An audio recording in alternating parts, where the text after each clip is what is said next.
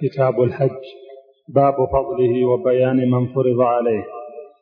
عن أبي هريرة رضي الله عنه أن رسول الله صلى الله عليه وسلم قال العمرة إلى العمرة كفارة لما بينهما والحج المبرور ليس له جزاء إلا الجنة متفق عليه. وعن عائشة رضي الله عنها قالت قلت يا رسول الله على النساء جهاد؟ قال نعم عليهن جهاد لا قتال فيها الحج والعمرة. رواه أحمد وابن ماجه واللفظ له وإسناده صحيح وأصله في الصحيح. وعن جابر بن عبد الله رضي الله عنهما قال أتى النبي صلى الله عليه وسلم أعرابي فقال يا رسول الله أخبرني عن العمرة أواجبة هي قال لا وأن تعتمر خير لك. رواه أحمد والترمذي والراجح وقفه وأخرجه ابن عدي من وجه آخر ضعيف عن جابر رضي الله عنه مرفوعا. الحج والعمرة فريضتان. وعن أنس رضي الله عنه قال قيل يا رسول الله ما السبيل؟ قال الزاد والراحلة. رواه الدار قطني وصححه الحاكم والراجح إرساله. وأخرجه الترمذي من حديث ابن عمر أيضا وفي إسناده ضعف.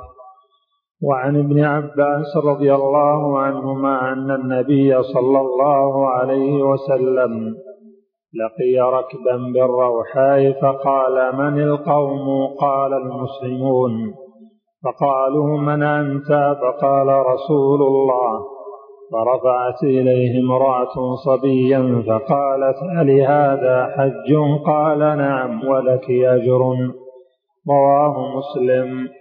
وعنه قال كان الفضل بن عباس رديف رسول الله صلى الله عليه وسلم. فجاءت امرأة من خثعم فجعل الفضل ينظر إليها وتنظر إليه. وجعل النبي صلى الله عليه وسلم يصرف وجه الفضل إلى الشق الآخر. فقالت يا رسول الله إن فريضة الله على عباده في الحج يدركت أبي شيخا كبيرا. لا يثبت على الراحلة أفحج عنه. قال نعم وذلك في حجة الوداع متفق عليه واللفظ للبخاري.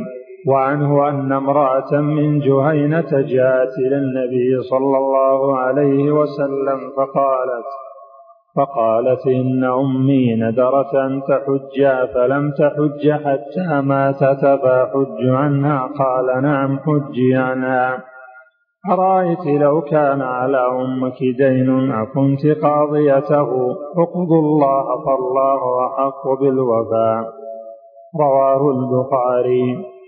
وعنه قال قال رسول الله صلى الله عليه وسلم أيما صبي حج ثم بلغ الحنثى فعليه أن يحج حجة أخرى.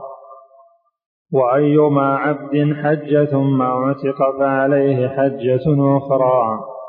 رواه ابن أبي شيبة والبيهقي ورجاله ثقات.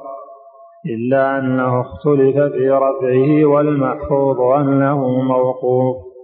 وعنه قال سمعت رسول الله صلى الله عليه وسلم يخطب يقول لا يخلون رجل بامرأة إلا ومعها ذو محرم ولا تسافر المرأة إلا مع ذي محرم. فقام رجل فقال يا رسول الله إن امرأتي خرجت حاجة وإني اكتتبت غزوة كذا وكذا. قال انطلق فحج مع امرأتك. متفق عليه واللفظ لمسلم. وعنه أن النبي صلى الله عليه وسلم سمع رجلا يقول لبيك عن شبرمة. قال من شبرمة؟ قال أخ أو قريب لي. قال حججت عن نفسك. قال لا. قال حج عن نفسك ثم حج عن شبرمة. رواه أبو داود وابن ماجه وصححه ابن حبان والراجح عند أحمد وقفه. وعنه قال خطبنا رسول الله صلى الله عليه وسلم فقال إن الله كتب عليكم الحج فقام الأقرع بن حابس فقال في كل عام يا رسول الله. قال لو قلتها لوجبت الحج مرة فما زاد فهو تطوع رواه الخمسة وغير الترمذي وأصله في مسلم من حديث أبي هريرة رضي الله عنه. باب المواقيت. عن ابن عباس رضي الله عنهما أن النبي صلى الله عليه وسلم وقت لأهل المدينة ذا الحليفة ولأهل الشام الجحفة ولأهل نجد قرن المنازل ولأهل اليمن يلملم هن لهن ولمن أتى عليهن من غيرهن ممن أراد الحج والعمرة ومن كان دون ذلك فمن حيث أنشأ. حتى أهل مكة من مكة متفق عليه. وعن عائشة رضي الله عنها أن النبي صلى الله عليه وسلم وقت لأهل العراق ذات عرق رواه أبو داود والنسائي.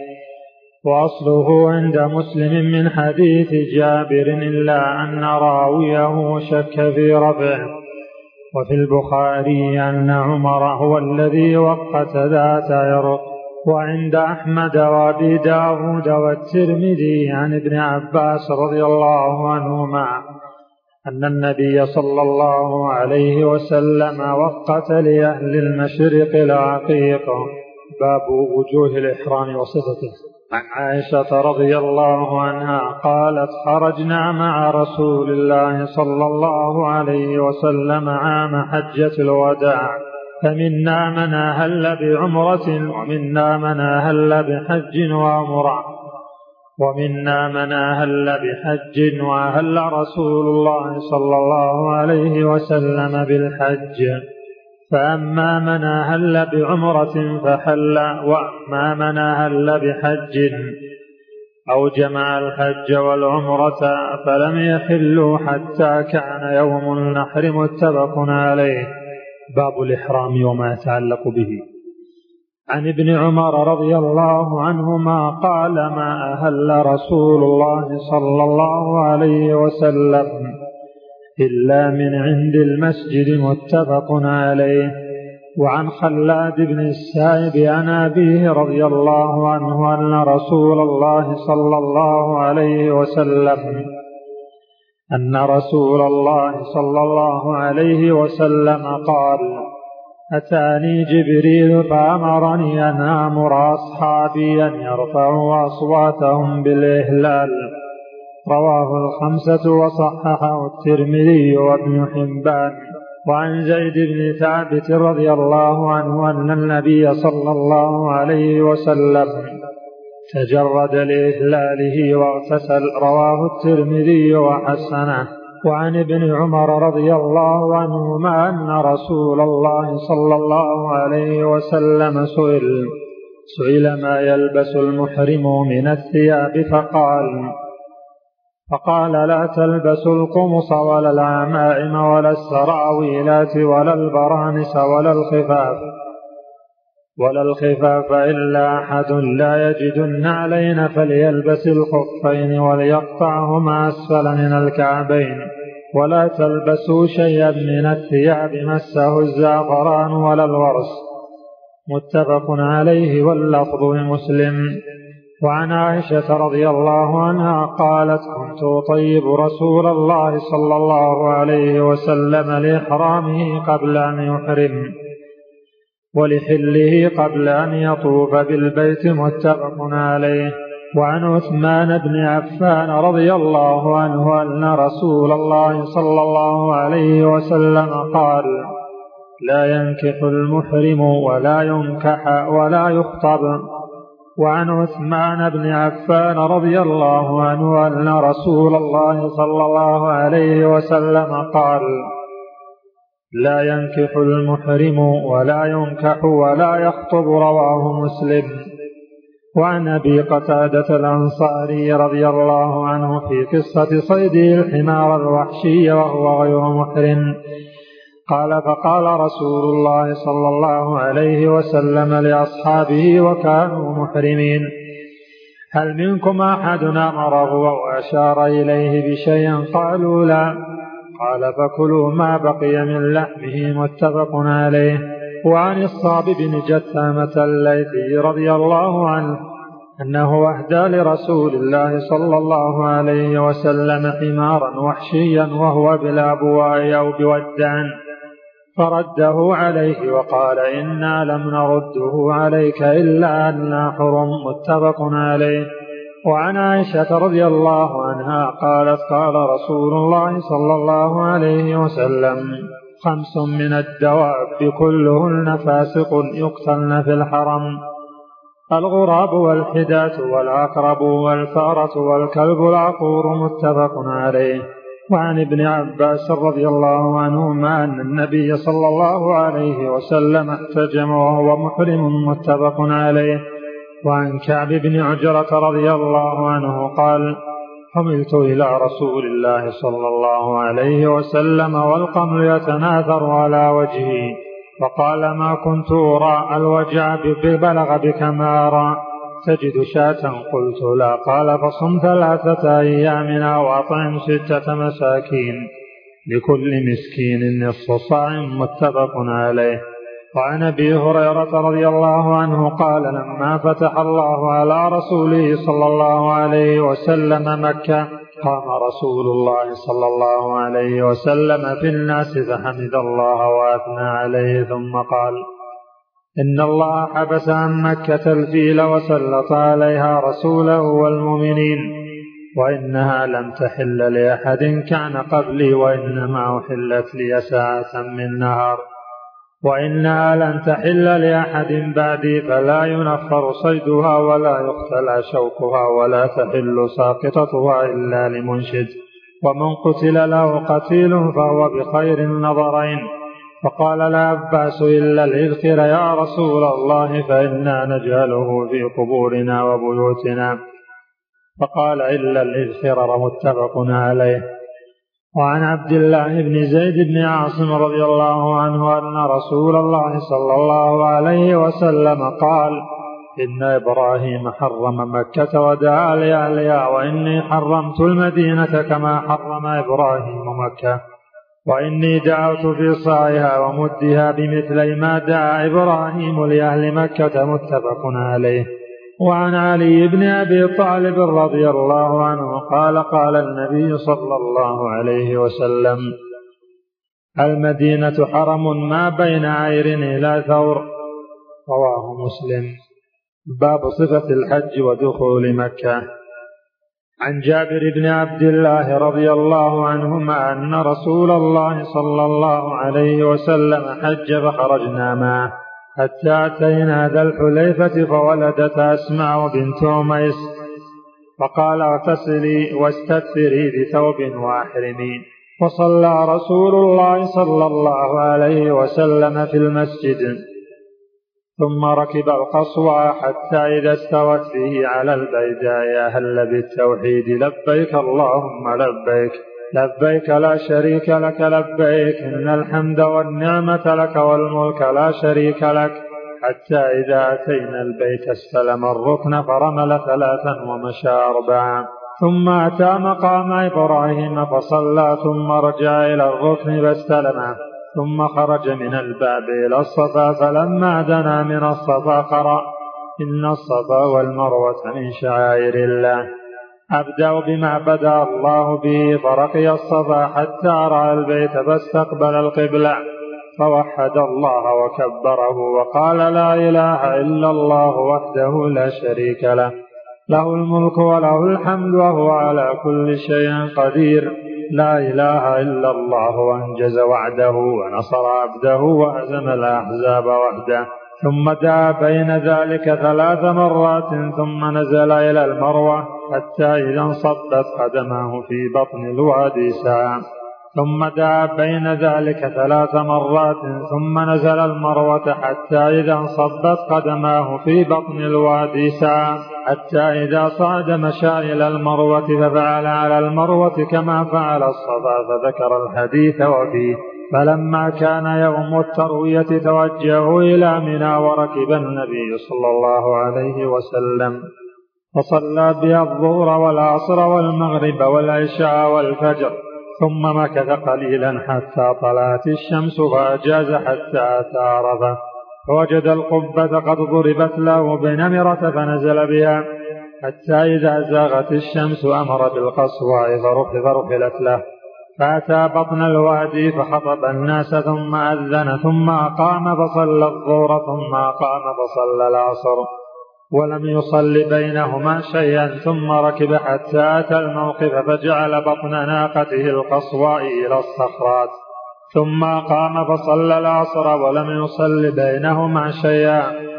ثم ركب حتى أتى الموقف فجعل بطن ناقته القصواء إلى الصخرات وجعل حبل المشاة بين يديه واستقبل القبلة.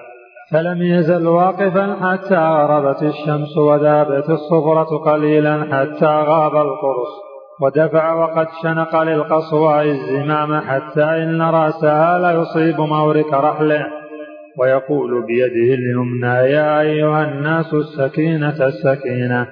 كلما أتى حبلا من الحبال يرخى لها قليلا حتى تصعد. حتى أتى المزدلفة فصلى بها المغرب والعشاء بأذان واحد وإقامتين ولم يسبح بينهما شيئا. ثم اضطجع حتى طلع الفجر فصلى الفجر حين تبين له الصبح بأذان وإقامة. ثم ركب حتى أتى المشعر الحرام. فاستقبل القبلة فدعا وكبر وهلل. فلم يزل واقفا حتى أسفر جدا فدفع قبل أن تطلع الشمس حتى أتى بطن محسر فحرك قليلا. ثم سلك الطريق الوسطى التي تخرج على الجمرة الكبرى حتى أتى الجمرة التي عند الشجرة.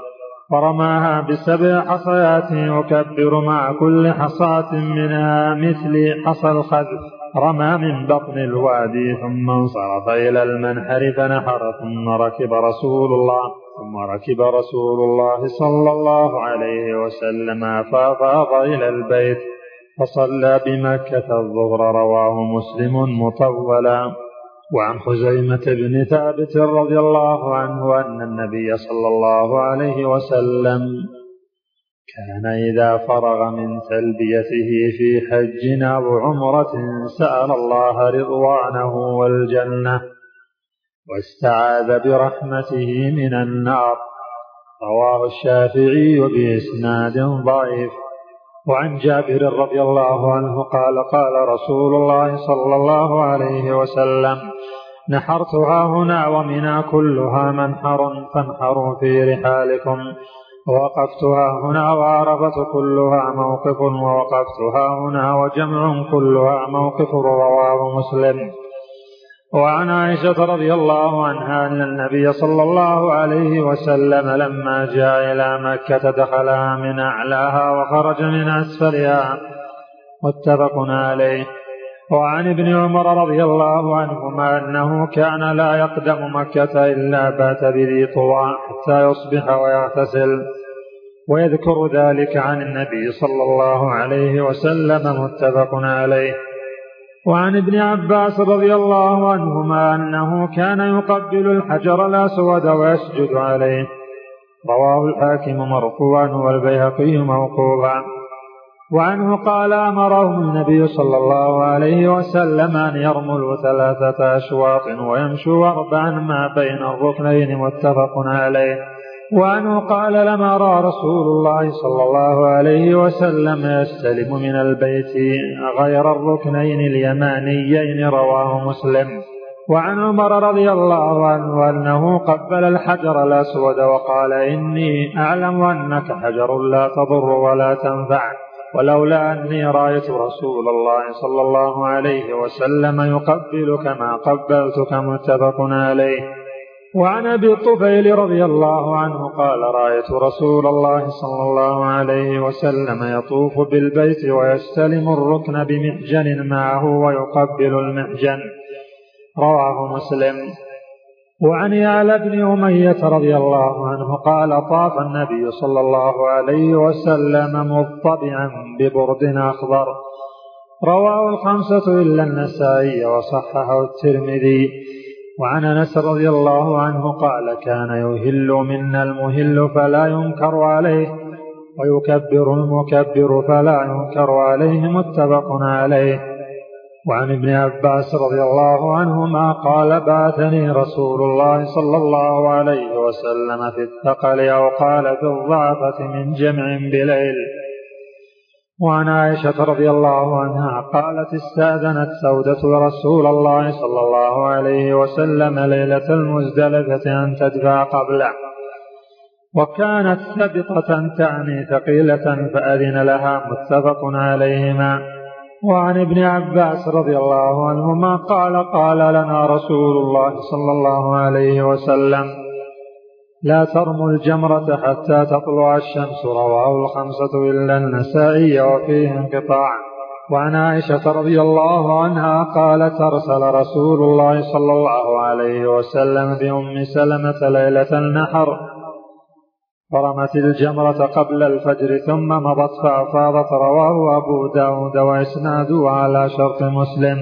وعن عروة بن مضرس رضي الله عنه قال قال رسول الله صلى الله عليه وسلم من شهد صلاتنا هذه يعني في المزدلفة فوقف معنا حتى ندفع. وقد وقف بعرفة قبل ذلك ليلا أو نهارا فقد تم حجه وقضى تفته رواه الخمسة وصححه الترمذي. وصححه الترمذي وابن خزيمة. وعن عمر رضي الله عنه قال إن المشركين كانوا لا يفيضون حتى تطلع الشمس ويقولون أشرق كبير وأن النبي صلى الله عليه وسلم خالفهم ثم أفاض قبل أن تطلع الشمس رواه البخاري. وعن ابن عباس وأسامة بن زيد رضي الله عنهما قال لم يزل النبي صلى الله عليه وسلم يلبي. يلبي حتى رمى جمرة العقبة رواه البخاري. وعن عبد الله بن مسعود رضي الله عنه أنه جعل البيت عن يساره ومن عن يمينه. ورمى الجمرة بسبع حصيات وقال هذا مقام الذي أنزلت عليه سورة البقرة متفق عليه. وعن جابر رضي الله عنه قال رمى رسول الله صلى الله عليه وسلم الجمرة يوم النحر ضحى. وأما بعد ذلك فإذا زالت الشمس رواه مسلم. وعن ابن عمر رضي الله عنهما أنه كان يرمي الجمرة الدنيا بسبع حصيات يكبر على إثر كل حصى ثم يتقدم ثم يسهل فيقوم فيستقبل القبلة فيقوم طويلا ويدعو ويرفع يديه ثم يرمي الوسطى ثم يأخذ ذات الشمال فيسهل فيسهل ويقوم مستقبل القبلة ثم يدعو فيرفع يديه ويقوم طويلا ثم يرمي جمرة ذات العقبة من بطن الوادي ولا يقف عندها ثم ينصرف فيقول هكذا رأيت رسول الله صلى الله عليه وسلم يفعله رواه البخاري. وعنه أن رسول الله صلى الله عليه وسلم قال اللهم ارحم المحلقين قالوا والمقصرين يا رسول الله. قال في الثالثة والمقصرين متفق عليه. وعن عبد الله بن عمرو بن العاص رضي الله عنهما أن رسول الله صلى الله عليه وسلم وقف في حجة الوداع فجعلوا يسألونه. فقال رجل لما شر فحلقت قبل أن أذبح قال أذبح ولا حرج. وقال آخر فقال لما شر فنحرت قبل أن أرمي قال أرمي ولا حرج. فما سئل يومئذ عن شيء قدم ولا أخر إلا قال افعل ولا حرج متفق عليه. وعن المسور بن مخرمة رضي الله عنه أن رسول الله صلى الله عليه وسلم نحر قبل أن يحلق وأمر أصحابه بذلك رواه البخاري.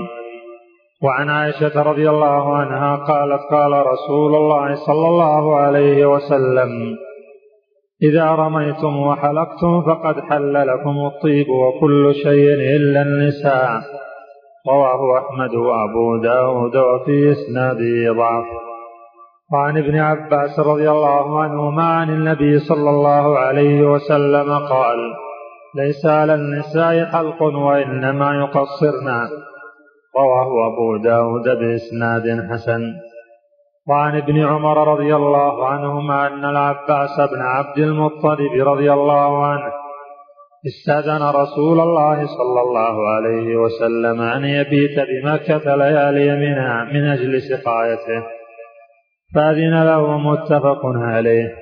وعن عاصم بن عدي رضي الله عنه أن رسول الله صلى الله عليه وسلم أرخص لرعاة الإبل في البيتوتة عن منى يرمون يوم النحر ثم يرمون الغد ومن بعد الغد ليومين.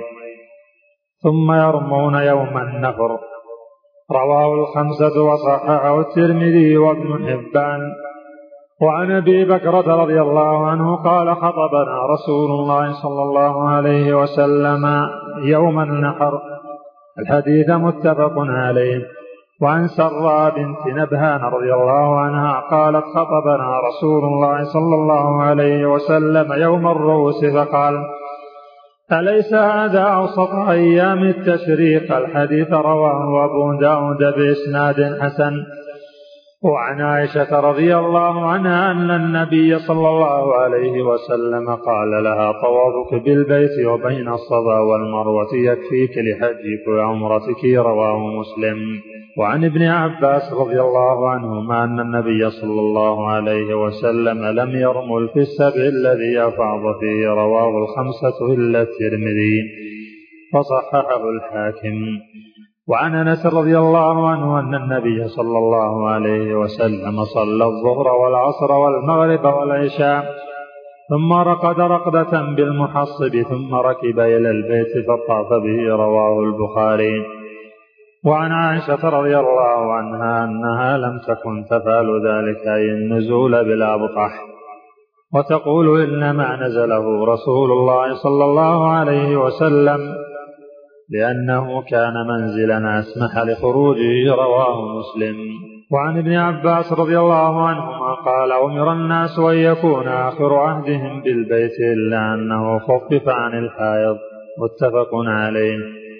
وعن ابن الزبير رضي الله عنهما قال قال رسول الله صلى الله عليه وسلم صلاة في مسجدي هذا أفضل من ألف صلاة فيما سواه إلا المسجد الحرام. وعن ابن الزبير رضي الله عنهما قال قال رسول الله صلى الله عليه وسلم صلاة في مسجدي هذا أفضل من ألف صلاة فيما سواه إلا المسجد الحرام وصلاة في المسجد الحرام أفضل من صلاة في مسجدي هذا بمئة صلاة. رواه أحمد وصححه ابن حبان.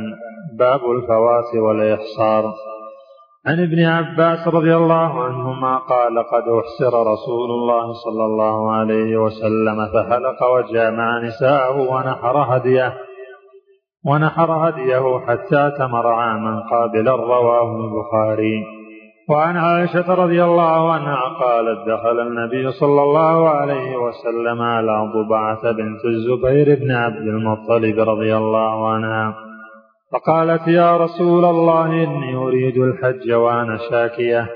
فقال النبي صلى الله عليه وسلم حجي واشترطي أن محلي حيث حبستني متفق عليه. وعن عكرمة عن الحجاج بن عمرو الأنصاري رضي الله عنه قال قال رسول الله صلى الله عليه وسلم من كسر أو عرج فقد حل وعليه الحج من قابل. قال عكرمة فسألت ابن عباس وأبا هريرة عن ذلك فقال صدق رواه الخمسة وحسنه الترمذي. كتاب البيوع باب شروطه وما نهي عنه منه. عن رفاعة بن رافع رضي الله عنه أن النبي صلى الله عليه وسلم سئل أي الكسب أطيب؟ قال عمل الرجل بيده وكل بيع مبرور. رواه البزار وصححه الحاكم. وعن جابر بن عبد الله رضي الله عنهما أنه سمع رسول الله صلى الله عليه وسلم يقول يقول عام الفتح وهو بمكة إن الله ورسوله حرم بيع الخمر والميتة والخنزير والأصنام. فقيل يا رسول الله أرأيت شحوم الميتة فإنه يطلع بها السفن ويدهن بها الجلود ويستصبح بها الناس؟ فقال لا هو حرام.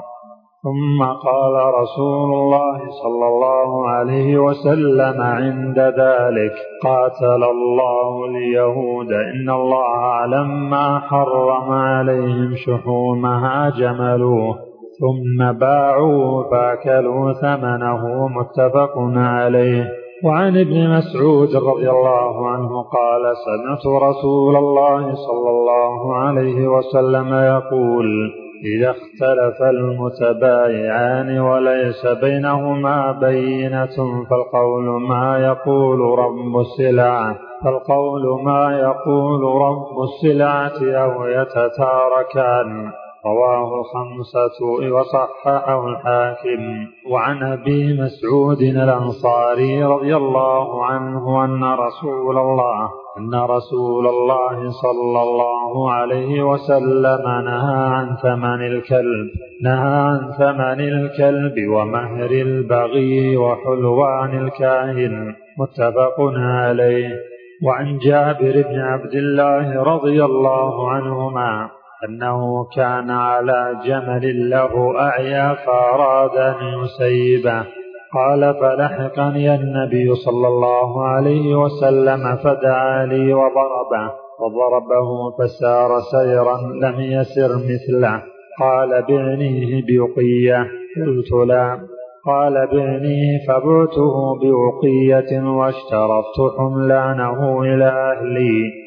فلما بلغت أتيته بالجمل فنقدني ثمنه ثم رجعت فأرسل في إثري فقال تراني ما كستك لآخذ جملك خذ جملك ودراهمك فهو لك.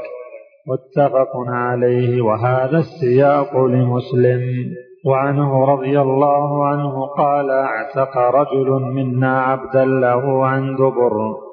عن دبر ولم يكن له مال غيره فدعا به النبي صلى الله عليه وسلم فباعه متفق عليه. وعن ميمونة زوج النبي صلى الله عليه وسلم ورضي عنها أن فأرة وقعت في سمن فماتت فيه. فسئل النبي صلى الله عليه وسلم عنها فقال فقال ألقوها وما حولها وكلوه رواه البخاري وزاد أحمد والنسائي في سمن جامد.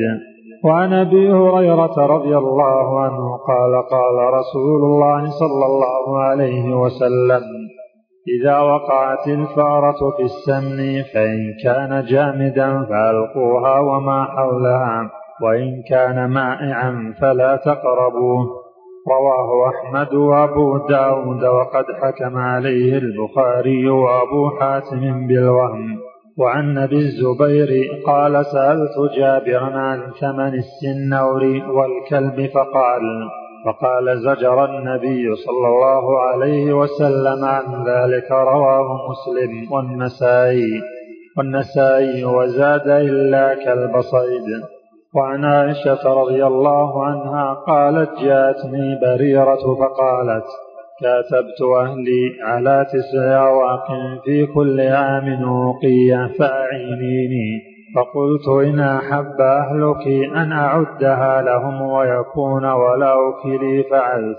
فذهبت بريرة إلى أهلها فقالت لهم فأبوا عليها فجاءت من عندهم. فجاءت من عندهم ورسول الله صلى الله عليه وسلم جالس فقالت إني قد عرضت ذلك عليهم فأبوا إلا أن يكون الولاء لهم.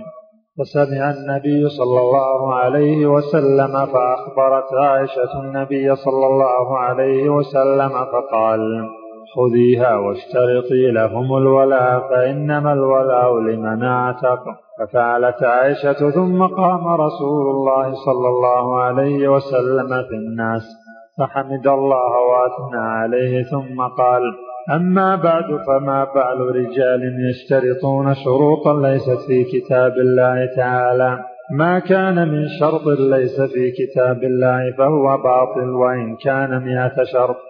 قضاء الله أحق وشرط الله يوثق وإنما الولاء لمن أعتق متفق عليه واللفظ للبخاري. وعند مسلم قال اشتريها واعتقيها واشترطي لهم الولاء. وعن ابن عمر رضي الله عنهما قال نهى عمر عن بيع أمهات الأولاد.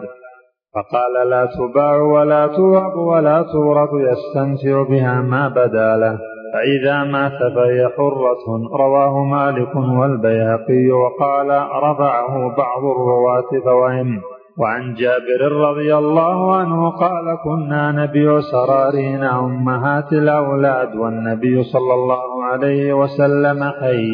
والنبي صلى الله عليه وسلم حي لا نرى بذلك بأسا. رواه النسائي وابن ماجه والدار قطني وصححه ابن حبان. وعن جابر بن عبد الله رضي الله عنهما قال نهى رسول الله صلى الله عليه وسلم عن بيع فضل الماء رواه مسلم.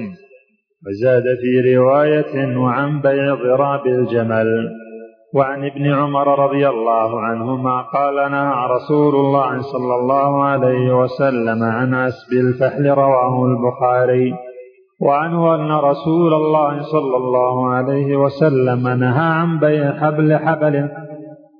وعنه أن رسول الله صلى الله عليه وسلم نهى عن بيع حبل الحبلة وكان بيعا يبتاعه أهل الجاهلية.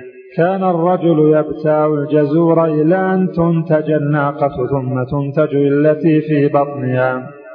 متفق عليه واللفظ للبخاري. وعنه أن رسول الله صلى الله عليه وسلم نهى عن بيع الولاء وعن هبته متفق عليه. وعن أبي هريرة رضي الله عنه قال نهى رسول الله صلى الله عليه وسلم عن بيع الحصاة وعن بيع الغرر. رواه مسلم.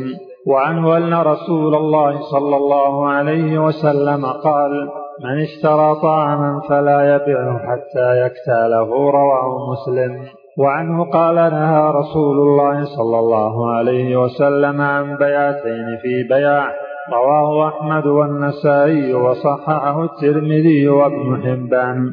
ولأبي داود من باع بيعتين في بيعة فله أوكسهما أو الربا. وعن عامر بن شعيب عن أبيه عن جده قال قال رسول الله صلى الله عليه وسلم لا يحل سلف وبيع ولا شرطان في بيع ولا ربح ما لم يضمن ولا بيع ما ليس عندك. رواه الخمسة وصححه الترمذي وابن خزيمة والحاكم. وأخرجه في علوم الحديث من رواية أبي حنيفة عن عمرو المذكور بلفظ معناها عن بيع وشرط. ومن هذا الوجه أخرجه الطبراني في الأوسط وهو غريب. وعنه قال نهى رسول الله صلى الله عليه وسلم عن بيع العربان. رواه مالك قال بلغني عن عمرو بن شعيب به وعن ابن عمر رضي الله عنهما قال ابتعت زيتا في السوق فلما استوجبته لقيني رجل فأعطاني به ربحا حسنا. فأردت أن أضرب على يد الرجل فأخذ رجل من خلفي بذراعي. فالتفت فإذا زيد بن ثابت فقال لا تبعه حتى حيث ابتعته حتى تحوزه إلى رحلك. فإن رسول الله صلى الله عليه وسلم نهى أن تباع السلع حيث تبتاع حتى يحوز التجار إلى رحالهم. رواه أحمد وأبو داود واللفظ له وصححه ابن حبان والحاكم. وعنه قال قلت يا رسول الله إني أبيع الإبل بالبقيع فأبيع بالدنانير وآخذ الدراهم وأبيع بالدراهم وآخذ الدنانير آخذ هذا من هذه وأعطي هذه من هذا آخذ هذا من هذه وأعطي هذه من هذا. فقال رسول الله صلى الله عليه وسلم لا بأس أن تأخذها بسعر يومها ما لم تتفرقا وكان وبين وعنه قال قلت يا رسول الله إني أبيع الإبل بالبقيع فأبيع بالدنانير وآخذ الدراهم وأبيع بالدراهم وآخذ الدنانير آخذ هذا من هذه وأعطي هذه من هذا. فقال رسول الله صلى الله عليه وسلم لا بأس أن تأخذها بسعر يومها. ما لم تتفرقا وبينكما شيء رواه الخمسة وصححه الحاكم. وعنه قال نهى رسول الله صلى الله عليه وسلم عن النجش. متفق عليه. وعن جابر بن عبد الله رضي الله عنهما أن النبي صلى الله عليه وسلم نهى عن المحاقلة. نهى عن المحاقلة والمزابنة والمخابرة وعن الثنيا إلا أن تعلم. رواه الخمسة إلا ابن ماجه وصححه الترمذي وعن أنس رضي الله عنه قال نهى رسول الله صلى الله عليه وسلم عن المحاقلة والمخابرة والمخابرة والملامسة والمنابذة والمزابنة رواه البخاري. وعن طاووس عن ابن عباس رضي الله عنهما قال قال رسول الله صلى الله عليه وسلم لا تلقوا الركبان ولا يبيع حاضر اللباد. قلت لابن عباس ما قوله ولا يبيع حاضر اللباد؟ قال لا يكون له سمسارا. متفق عليه واللفظ للبخاري. وعن أبي هريرة رضي الله عنه قال قال رسول الله صلى الله عليه وسلم لا تلقوا الجلب فمن تلقى فاشترى منه.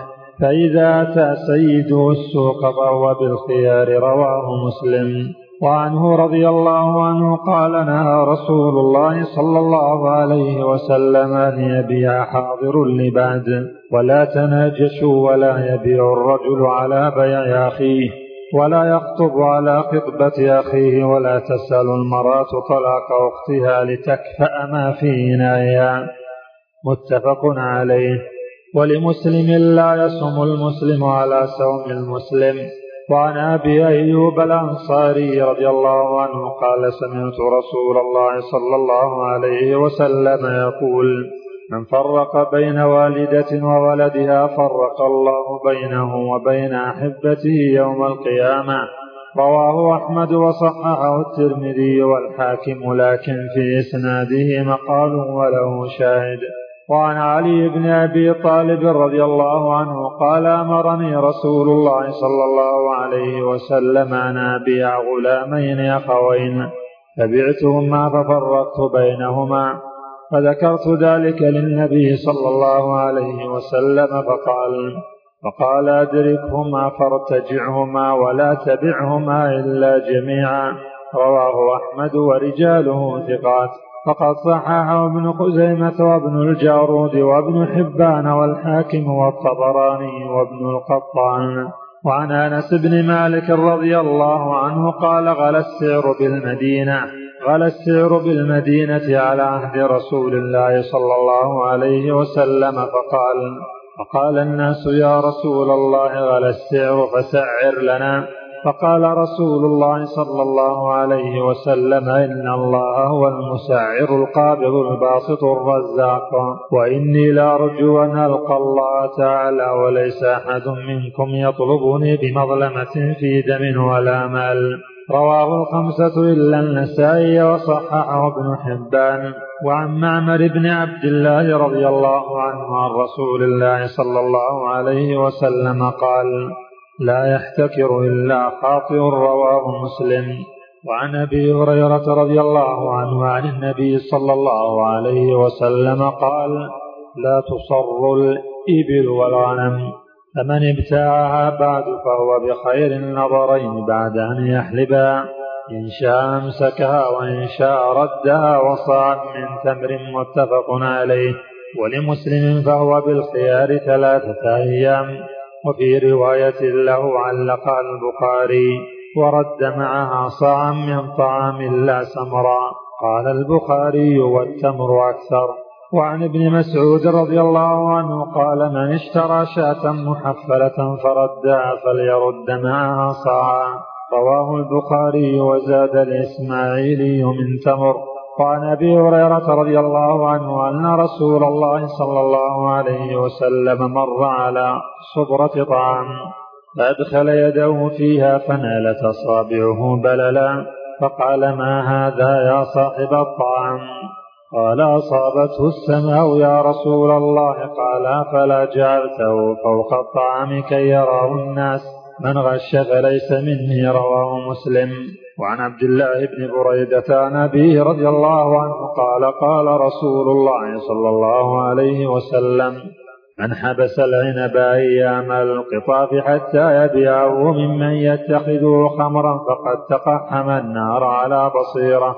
رواه الطبراني في الأوسط بإسناد حسن. وعن عائشة رضي الله عنها قالت قال رسول الله صلى الله عليه وسلم الخراج بالضمان. رواه الخمسة وضعفه البخاري وأبو داود وصححه الترمذي وابن خزيمة وابن الجارود وابن حبان والحاكم وابن القطعن وعن عروة البارقي رضي الله عنه أن النبي صلى الله عليه وسلم أعطاه دينارا يشتري به أضحية أو شاة أو شاة فاشترى به شاتين فباع إحداهما بدينار فأتاه بشاة ودينار فدعا له بالبركة في بيعه فكان لو اشترى ترابا لربح فيه رواه الخمسة إلا النسائي.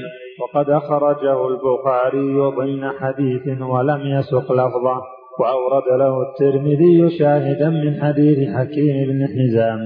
وعن أبي سعيد الخدري رضي الله عنه أن النبي صلى الله عليه وسلم نهى عن شراء ما في بطون الأنعام حتى تضع وعن بيع ما في ضروعها وعن شراء العبد وهو آبق وعن شراء المغانم حتى تقسم وعن شراء الصدقات حتى تقبض وعن ضربة الغائص.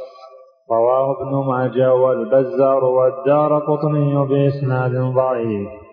وعن ابن مسعود رضي الله عنه قال قال رسول الله صلى الله عليه وسلم لا تشتروا السمك في الماء فإنه غرر. رواه أحمد وأشار إلى أن الصواب وقفه وعن ابن عباس رضي الله عنهما قال نهى رسول الله صلى الله عليه وسلم أن تباع ثمرة حتى تطعم ولا يباع صوف على ظهر ولا لبن في ضرع رواه الطبراني في الأوسط والدار قطني. وأخرجه أبو داود في المراسيل عكرمة وهو الراجح وأخرجه أيضا موقوفا على ابن عباس بإسناد قوي ورجحه البياقي. وعن أبي هريرة رضي الله عنه أن النبي صلى الله عليه وسلم نهى عن بيع المضامين والملاقيح. رواه البزار وفي إسناده ضعف. وعن أبي هريرة رضي الله عنه قال قال رسول الله صلى الله عليه وسلم من أقال مسلما بيعته وقال الله عذرته. رواه أبو داود وابن ماجه وصححه ابن حبان والحاكم. باب الخيار. عن ابن عمر رضي الله عنهما عن رسول الله صلى الله عليه وسلم قال إذا تبايع الرجلان فكل واحد منهما بالخيار ما لم يتفرقا ما لم يتفرقا وكانا جميعا أو يخير أحدهما الآخر. فإن خير أحدهما الآخر فتبايعا على ذلك فقد وجب البيع. وإن تفرقا بعد أن تبايعا ولم يترك واحد منهما البيع فقد وجب البيع. متفق عليه واللفظ لمسلم.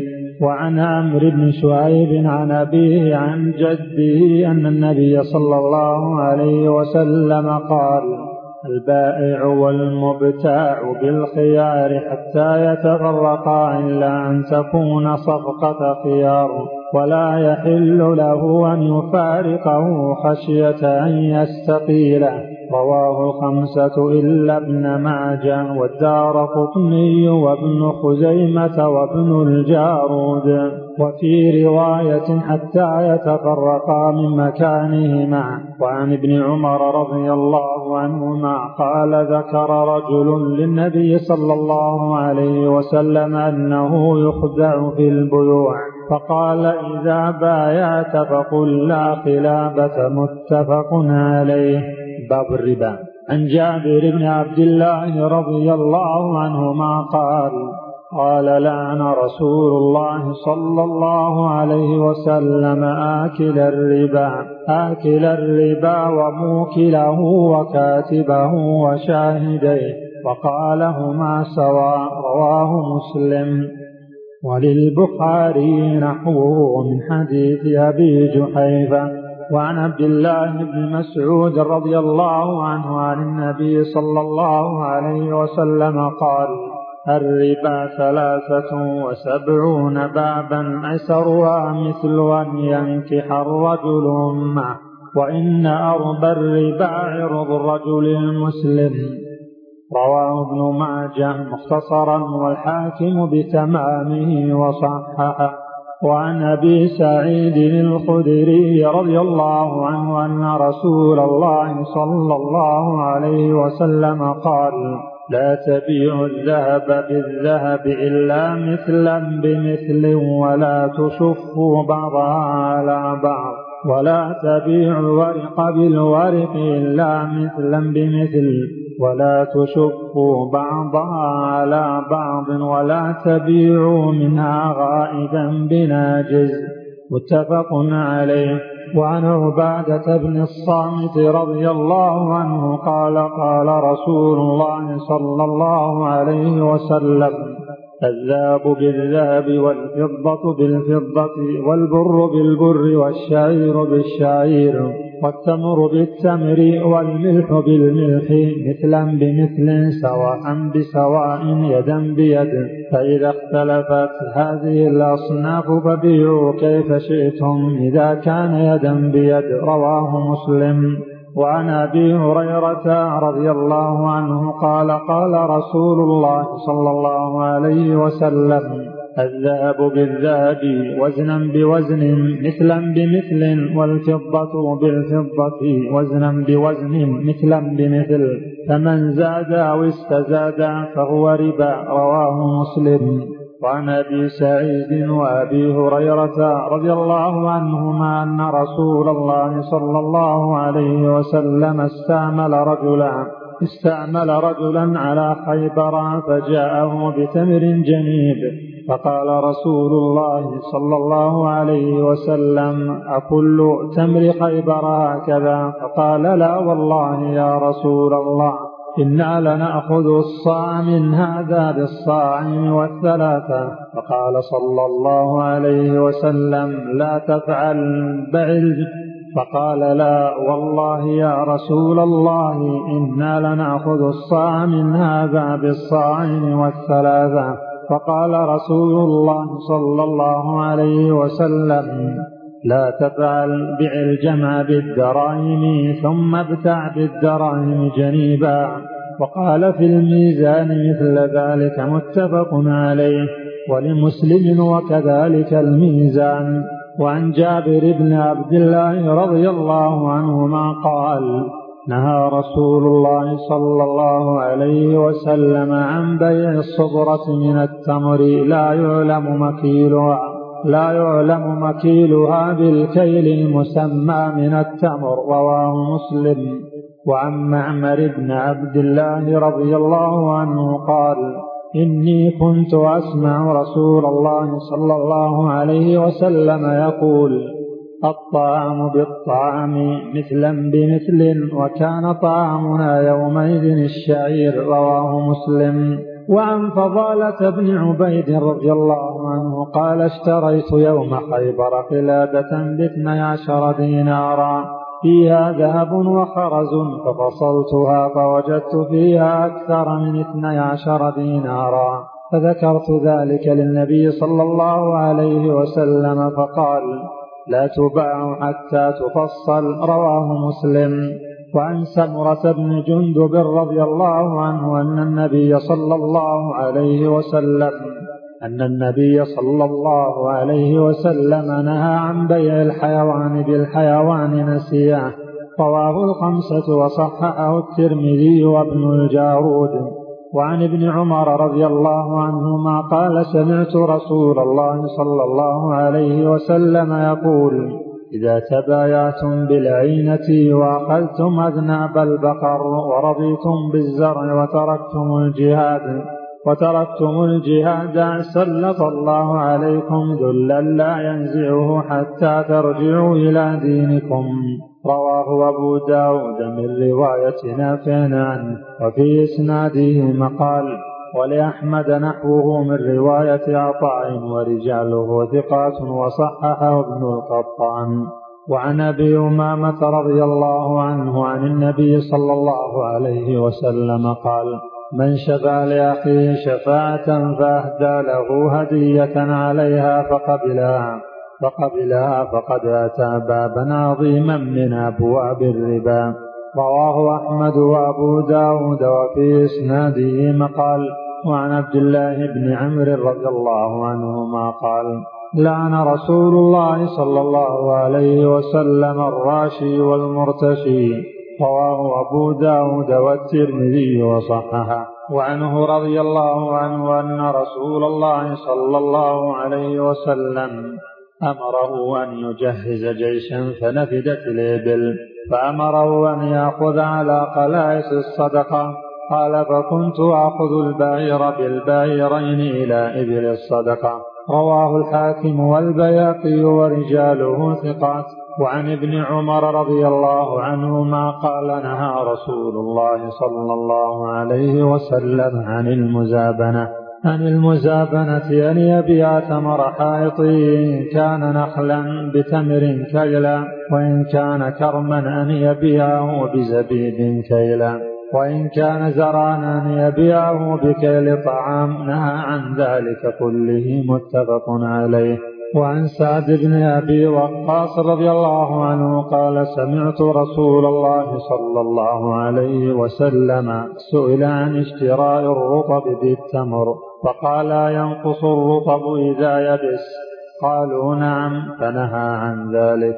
رواه الخمسة وصححه ابن المديني والترمذي وابن حبان والحاكم. وعن ابن عمر رضي الله عنهما أن النبي صلى الله عليه وسلم نهى عن بيع الكالئ بالكالئ يعني الدين بالدين. رواه إسحاق والبزار بإسناد ضعيف. باب الرخصة في العرايا وبيع الأصول والثمار. عن زيد بن ثابت رضي الله عنه أن رسول الله صلى الله عليه وسلم رخص في العرايا رخص في العرايا أن تباع بخرصها كيلا متفق عليه. ولمسلم رخص في العرية يأخذها أهل البيت بخرصها تمرا يأكلونها رطبا. وعن أبي هريرة رضي الله عنه أن رسول الله صلى الله عليه وسلم رخص في بيع العرايا بحرصها من التمر فيما دون خمسة أوسق أو في خمسة أوسق متفق عليه. وعن ابن عمر رضي الله عنهما قال نهى رسول الله صلى الله عليه وسلم عن بيع الثمار حتى يبدو صلاحها.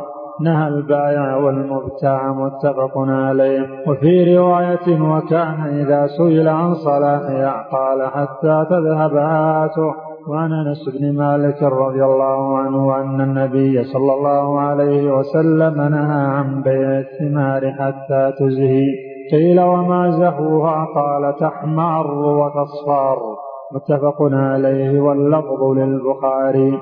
وعنه رضي الله عنه أن النبي صلى الله عليه وسلم نهى عن بيع العنب حتى يسود وعن بيع الحب حتى يشتد. رواه خمسة إلا النسائي وصححه ابن حبان والحاكم. وعن جابر بن عبد الله رضي الله عنهما قال قال رسول الله صلى الله عليه وسلم لو بعت من أخيك ثمرا فأصابته جائحة فلا يحل لك أن تأخذ منه شيئا بم تأخذ مع أخيك بغير حق. رواه مسلم.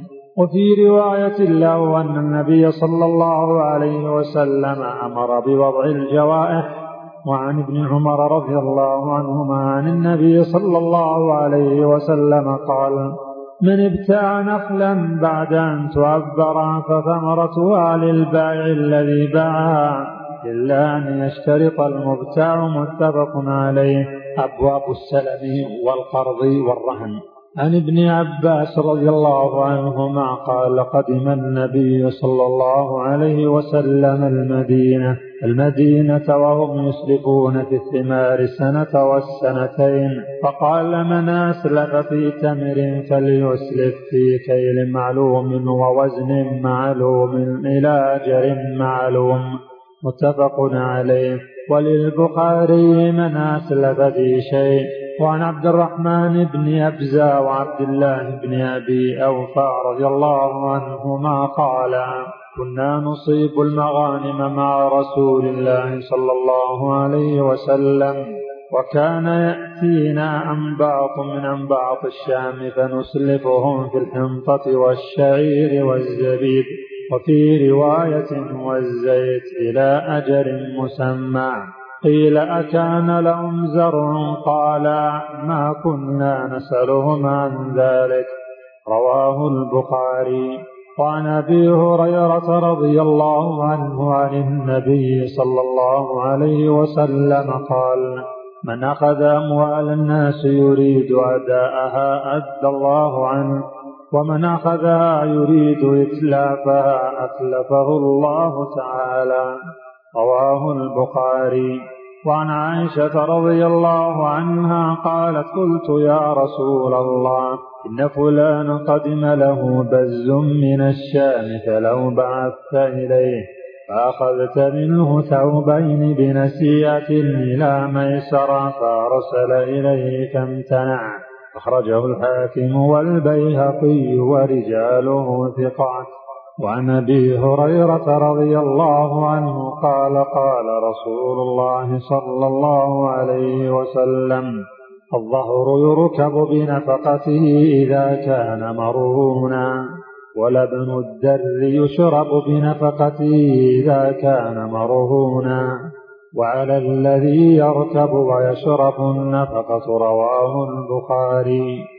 وعنه قال قال رسول الله صلى الله عليه وسلم لا يغلق الرهن من صاحبه الذي رهنه له غنمه وعليه غرمه. رواه الدار قطني والحاكم ورجاله ثقات. إلا أن المحفوظ عند أبي داود وغيره إرساله. وعن أبي رافع رضي الله عنه أن النبي صلى الله عليه وسلم أن النبي صلى الله عليه وسلم استسلف من رجل بكرا فقدمت عليه ابل من ابل الصدقه فأمر أبا رافع فأمر أبا رافع أن يقضي الرجل بكره فقال لا أجد إلا خيارا فقال صلى الله عليه وسلم أعطه إياه فإن خيار الناس أحسنهم قضاء رواه مسلم. وعن علي رضي الله عنه قال قال رسول الله صلى الله عليه وسلم كل قرض جر منفعة فهو ربا. رواه الحارث بن أبي أسامة وإسناده ساقط. وله شاهد ضعيف عن فضالة بن عبيد عند البيهقي وآخر موقوف عن عبيد الله بن سلام عند البخاري. باب التفليس والحجر. عن أبي بكر بن عبد الرحمن عن أبي هريرة رضي الله عنه قال سمعت رسول الله صلى الله عليه وسلم يقول من أدرك ماله بعينه عند رجل قد أفلس فهو أحق به من غيره متفق عليه.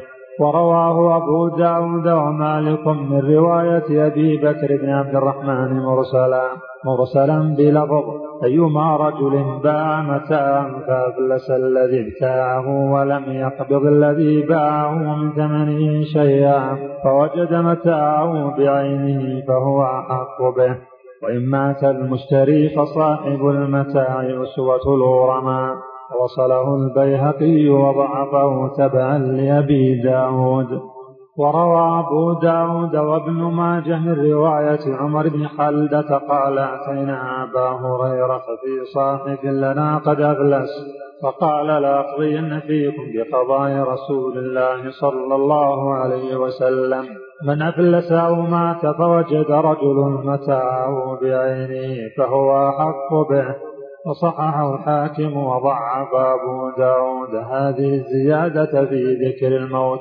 وعن عمرو بن الشريد عن أبيه رضي الله عنه قال قال رسول الله صلى الله عليه وسلم لي الواجد يحل عرضه وعقوبته. رواه أبو داود والنسائي وعلقه البخاري وصححه ابن حبان. وعن أبي سعيد الخدري رضي الله عنه قال أصيب رجل في عهد رسول الله صلى الله عليه وسلم في ثمار ابتاعها فكثر دينه فأفلس فقال رسول الله صلى الله عليه وسلم تصدقوا عليه. فتصدق الناس عليه ولم يبلغ ذلك وفاء دينه. فقال رسول الله صلى الله عليه وسلم لغرمائه خذوا ما وجدتم وليس لكم إلا ذلك رواه مسلم.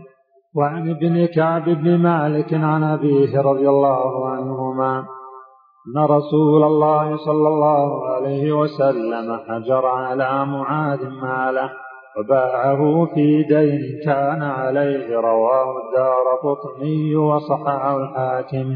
فأخرجه أبو داود مرسلا ورجح.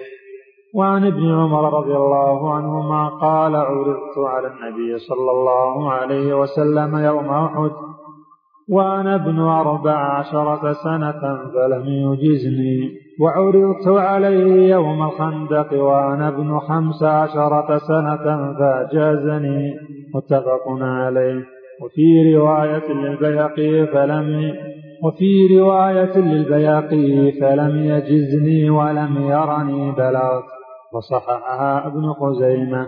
وعن عطية القرضي رضي الله عنه قال عرضنا على النبي صلى الله عليه وسلم يوم قريضة فكان من أنبت قتلا ومن لم ينبت خلي سبيله فكنت ممن لم ينبت فخلي سبيلي. رواه خمسة وصححه ابن حبان والحاكم.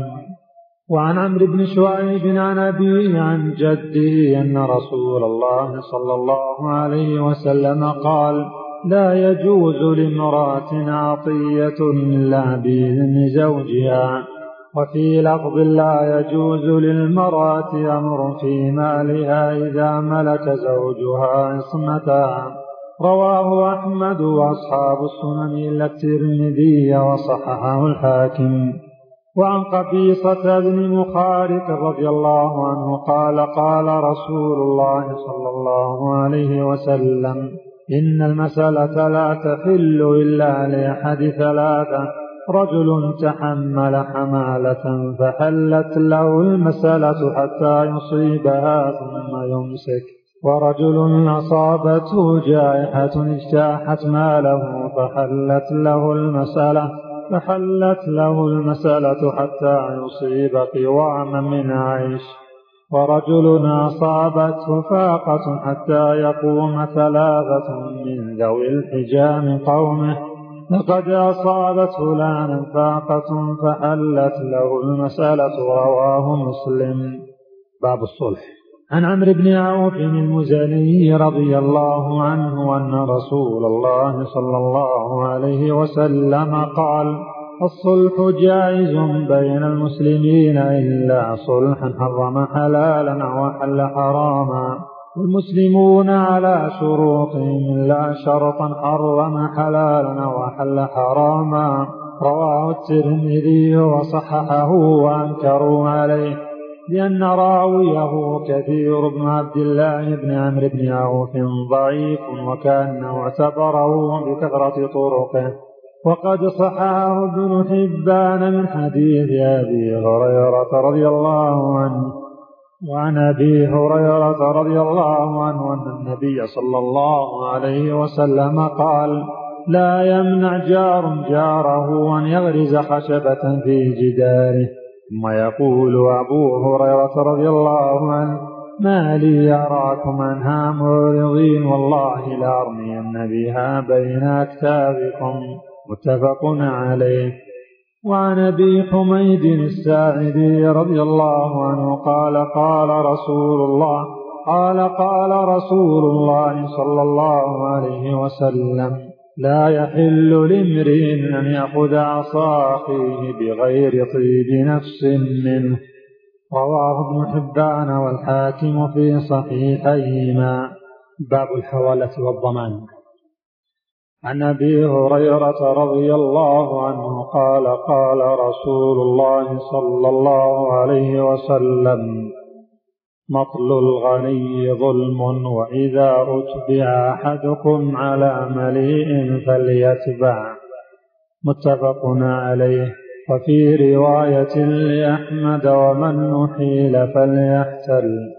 وعن جابر رضي الله عنه قال توفي رجل منا فغسلناه وحنطناه وكفناه ثم أتينا به رسول الله صلى الله عليه وسلم فقلنا فقلنا تصلي عليه فخطى خطأ ثم قال عليه دين؟ قلنا ديناران فانصرف فتحملهما أبو قتادة فأتيناه فقال أبو قتادة الديناران علي. فقال رسول الله صلى الله عليه وسلم حق الغريم وبرئ منهما الميت. قال نعم فصلى عليه. رواه أحمد وأبو داود والنسائي وصححه ابن حبان والحاكم. وعن أبي هريرة رضي الله عنه أن رسول الله صلى الله عليه وسلم كان يؤتى بالرجل المتوفى عليه الدين فيسأل هل ترك لدينه من قضاء. فإن حدث أنه ترك وفاء صلى عليه وإلا قال صلوا على صاحبكم. فلما فتح الله عليه الفتوح قال أنا أولى بالمؤمنين من أنفسهم. فمن توفي وعليه دين فعليه قضاؤه متفق عليه. وفي رواية للبخاري فمن مات ولم يترك وفاء. وعن عمرو بن شعيب عن أبيه عن جده قال قال رسول الله صلى الله عليه وسلم لا كفالة في حج. رواه البيهقي بإسناد ضعيف. باب الشركة والوكالة. عن أبي هريرة رضي الله عنه قال قال رسول الله صلى الله عليه وسلم قال الله تعالى أنا ثالث الشريكين ما لم يكن أحدهما صاحبا فإذا قعن خرجت من بينهما. رواه أبو داود وصححه الحاكم. وعن السائب المخزومي رضي الله عنه أنه كان شريك النبي صلى الله عليه وسلم. أنه كان شريك النبي صلى الله عليه وسلم قبل البعثة فجاء يوم الفتح فقال مرحبا بأخي وشريكي رواه أحمد وأبو داود وابن ماجه. وعن عبد الله بن مسعود رضي الله عنه قال اشتركت أنا وعمار وسعد فيما نصيب يوم بدر. الحديث رواه النسائي وغيره. وعن جابر بن عبد الله رضي الله عنهما قال أردت الخروج إلى خيبر. فأتيت النبي صلى الله عليه وسلم فقال إذا أتيت وكيلي بخيبر فخذ منه خمسة عشر وسقا. رواه أبو داود وصححه. وعن عروة البارقي رضي الله عنه أن رسول الله صلى الله عليه وسلم بعث معه بدينار يشتري له مرقية الحديث. الحديث رواه البخاري في أثناء حديث. وقد تقدم. وعن أبي هريرة رضي الله عنه قال بعث رسول الله صلى الله عليه وسلم عمر على الصدقة. الحديث متفق عليه.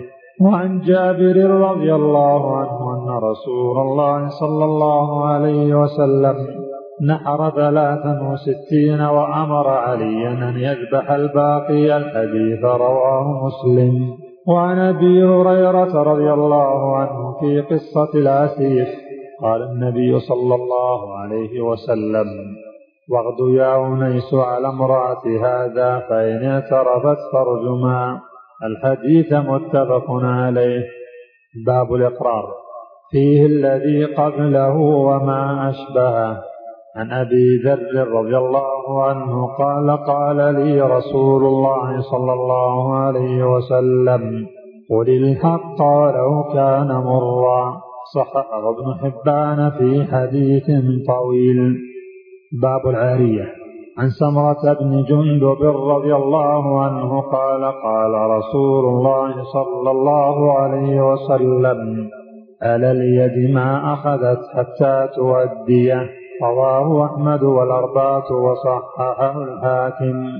وعن أبي هريرة رضي الله عنه قال قال رسول الله صلى الله عليه وسلم أد الأمانة إلى من ائتمنك ولا تخن من خانك.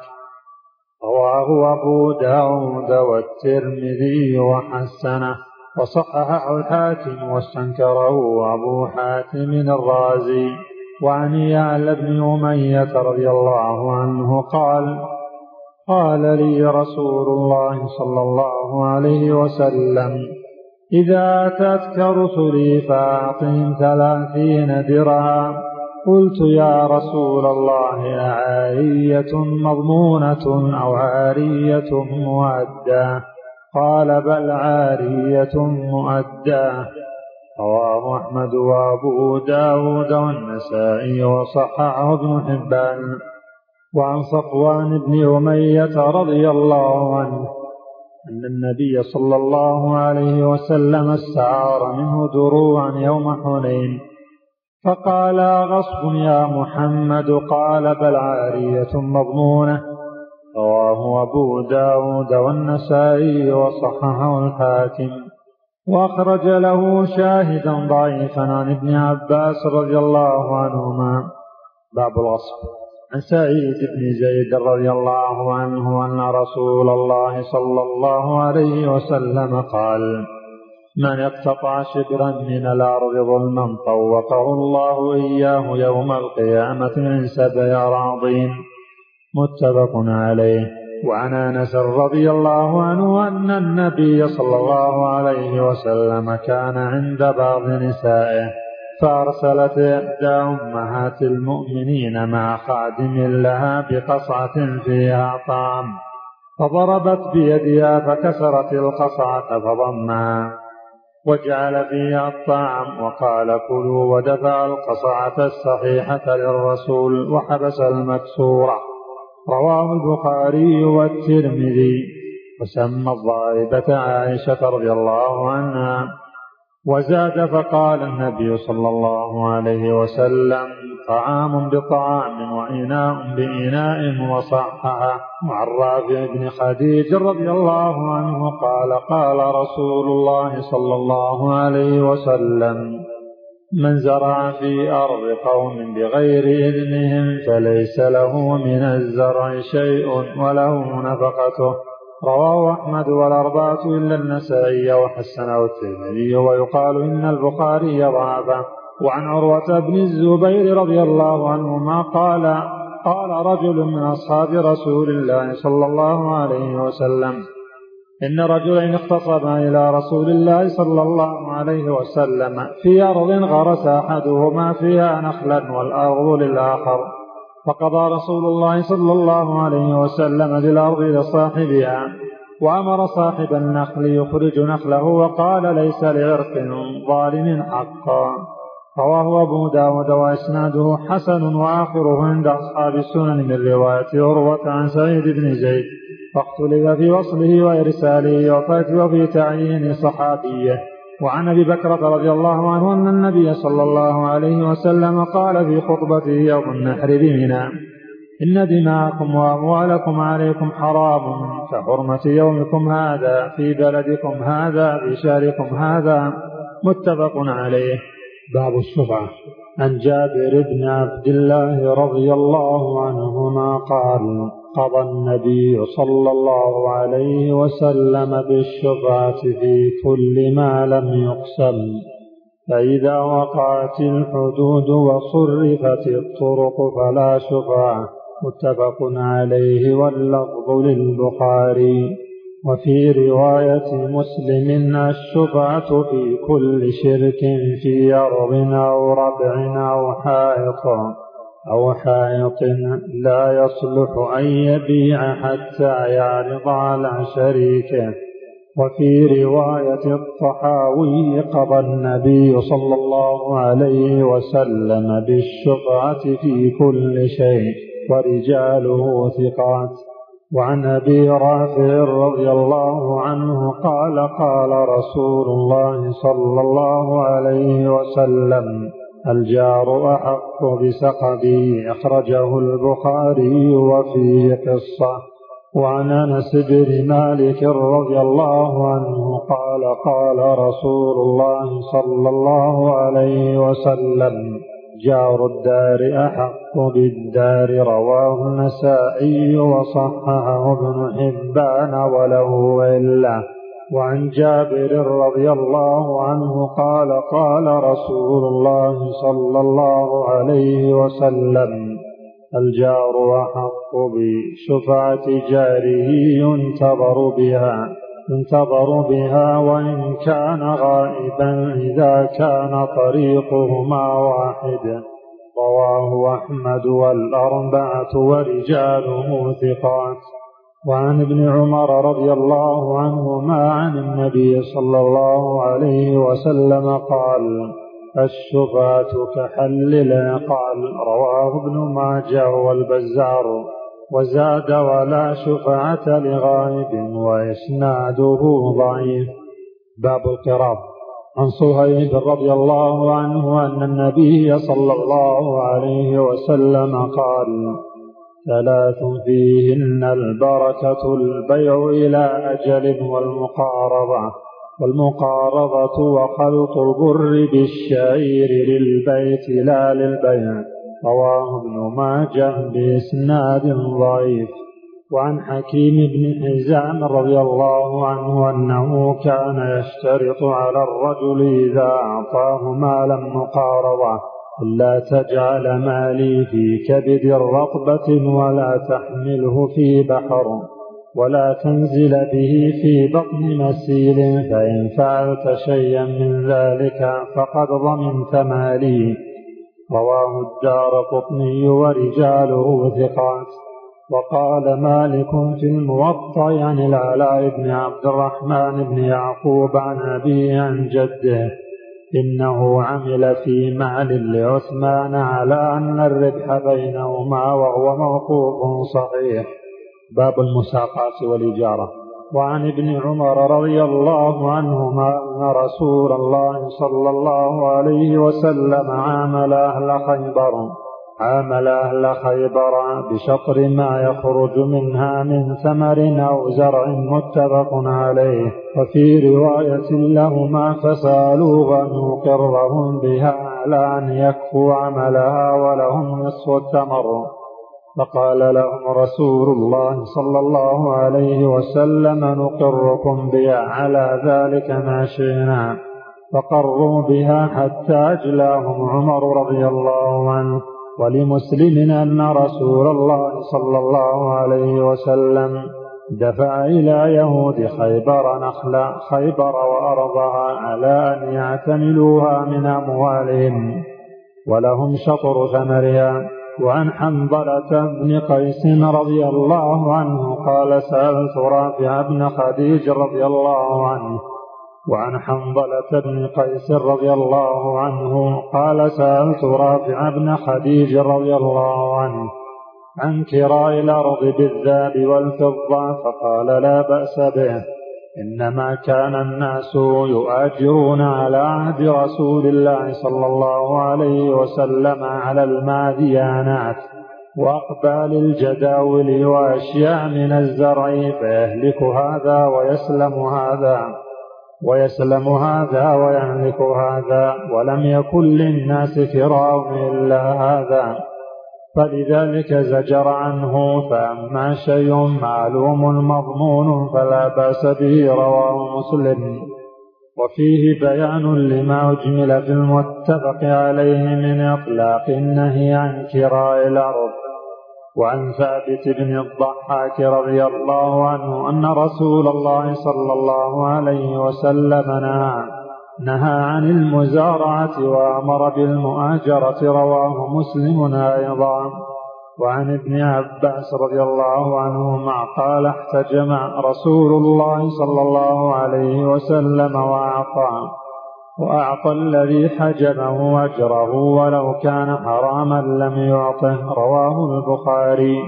وعن رافع بن خديج رضي الله عنه قال قال رسول الله صلى الله عليه وسلم كسب الحجام خبيث رواه مسلم. عن أبي هريرة رضي الله عنه قال قال رسول الله صلى الله عليه وسلم قال الله عز وجل ثلاثة أنا خصمهم يوم القيامة. رجل أعطى بي ثم غدر ورجل باع حرا فأكل ثمنه ورجل استأجر أجيرا فاستوفى منه ولم يعطيه أجره. رواه مسلم. وعن ابن عباس رضي الله عنهما أن رسول الله صلى الله عليه وسلم قال إن حق ما أخذتم عليه أجرا كتاب الله أخرجه البخاري. وعن ابن عمر رضي الله عنهما قال قال رسول الله صلى الله عليه وسلم أعطوا الأجير أجره قبل أن يجف عرقه رواه ابن ماجه. وفي الباب عن أبي هريرة عند أبي يعلى والبياقي وجابر عند الطبراني وكلها ضعف وعن أبي سعيد رضي الله عنه أن النبي صلى الله عليه وسلم قال من استأجر أجيرا فليسم له أجرته رواه عبد الرزاق وفيه انقطاع ووصله البيهقي من طريق أبي حنيفة. باب إحياء الموات. عن عروة عن عائشة رضي الله عنها أن النبي صلى الله عليه وسلم قال من عمر أرضا ليست لأحد فهو أحق بها. قال عروة وقضى به عمر في خلافته رواه البخاري. وعن سعيد بن زيد رضي الله عنه عن النبي صلى الله عليه وسلم قال من أحيا أرضا ميتة فهي له. رواه الثلاثة وحسنه الترمذي وقال روي مرسلا. وهو كما قال واختلف في صحابيه. وقيل جابر وقيل عائشة وقيل عبد الله بن عمرو والراجح الأول. وعن ابن عباس رضي الله عنهما أن الصعب بن جثامة الليثي رضي الله عنه أخبره أن النبي صلى الله عليه وسلم قال لا حماء إلا لله ولرسوله صلى الله عليه وسلم. رواه البخاري. وعن ابن عباس رضي الله عنهما قال قال رسول الله صلى الله عليه وسلم لا ضرر ولا ضرار رواه أحمد وابن ماجه. وله من حديث أبي سعيد مثله وهو في الموطأ مرسل. وعن سمرة بن جندب رضي الله عنه قال قال رسول الله صلى الله عليه وسلم من أحاط حائطا على أرض فهي له. رواه أبو داود وصححه ابن الجارود. وعن عبد الله بن مغفل رضي الله عنه أن النبي صلى الله عليه وسلم قال من حفر بيرا فله أربعون ذراعا عطنا لماشيته رواه ابن ماجه بإسناد ضعيف. وعن علقمة بن وائل عن أبي أن النبي صلى الله عليه وسلم أقطعه أرضا بحضر موت. رواه أبو داود والترمذي وصححه ابن حبان. وعن ابن عمر رضي الله عنهما أن النبي صلى الله عليه وسلم أقطع الزبير حضر فرسه فأجرى الفرس حتى قام ثم رمى بصوته فقال فقال أعطوه حيث بلغ الصوت رواه أبو داود وفيه ضعف. وعن رجل من الصحابة رضي الله عنه قال غزوت مع النبي صلى الله عليه وسلم فسمعته يقول الناس شركاء في ثلاث في الكلاء والماء والنار رواه أحمد وأبو داود ورجاله ثقات. باب الوقف. عن أبي هريرة رضي الله عنه أن رسول الله صلى الله عليه وسلم قال إذا مات الإنسان انقطع عنه عمله إلا من ثلاث إلا من صدقة جارية أو علم ينتفع به أو ولد صالح يدعو له. رواه مسلم. وعن ابن عمر رضي الله عنهما قال أصاب عمر رضي الله عنه أرضا بخيبر.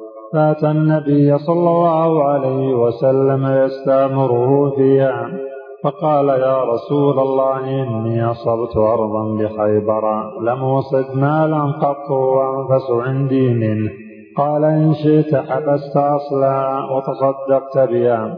قال فتصدق بها عمر.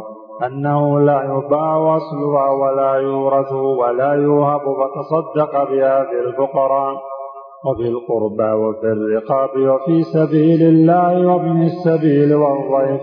لا جناح على من وليها أن يأكل منها بالمعروف ويطعم صديقا غير متمول مالا. متفق عليه واللفظ لمسلم. وفي رواية للبخاري تصدق بأصله لا يباع ولا يوهب ولكن ينفق ثمره. وعن أبي هريرة رضي الله عنه قال بعث رسول الله صلى الله عليه وسلم عمر على الصدقة الحديث وفيه وأما خالد فقد اقتبس ذراعه واعتاده في سبيل الله متفق عليه.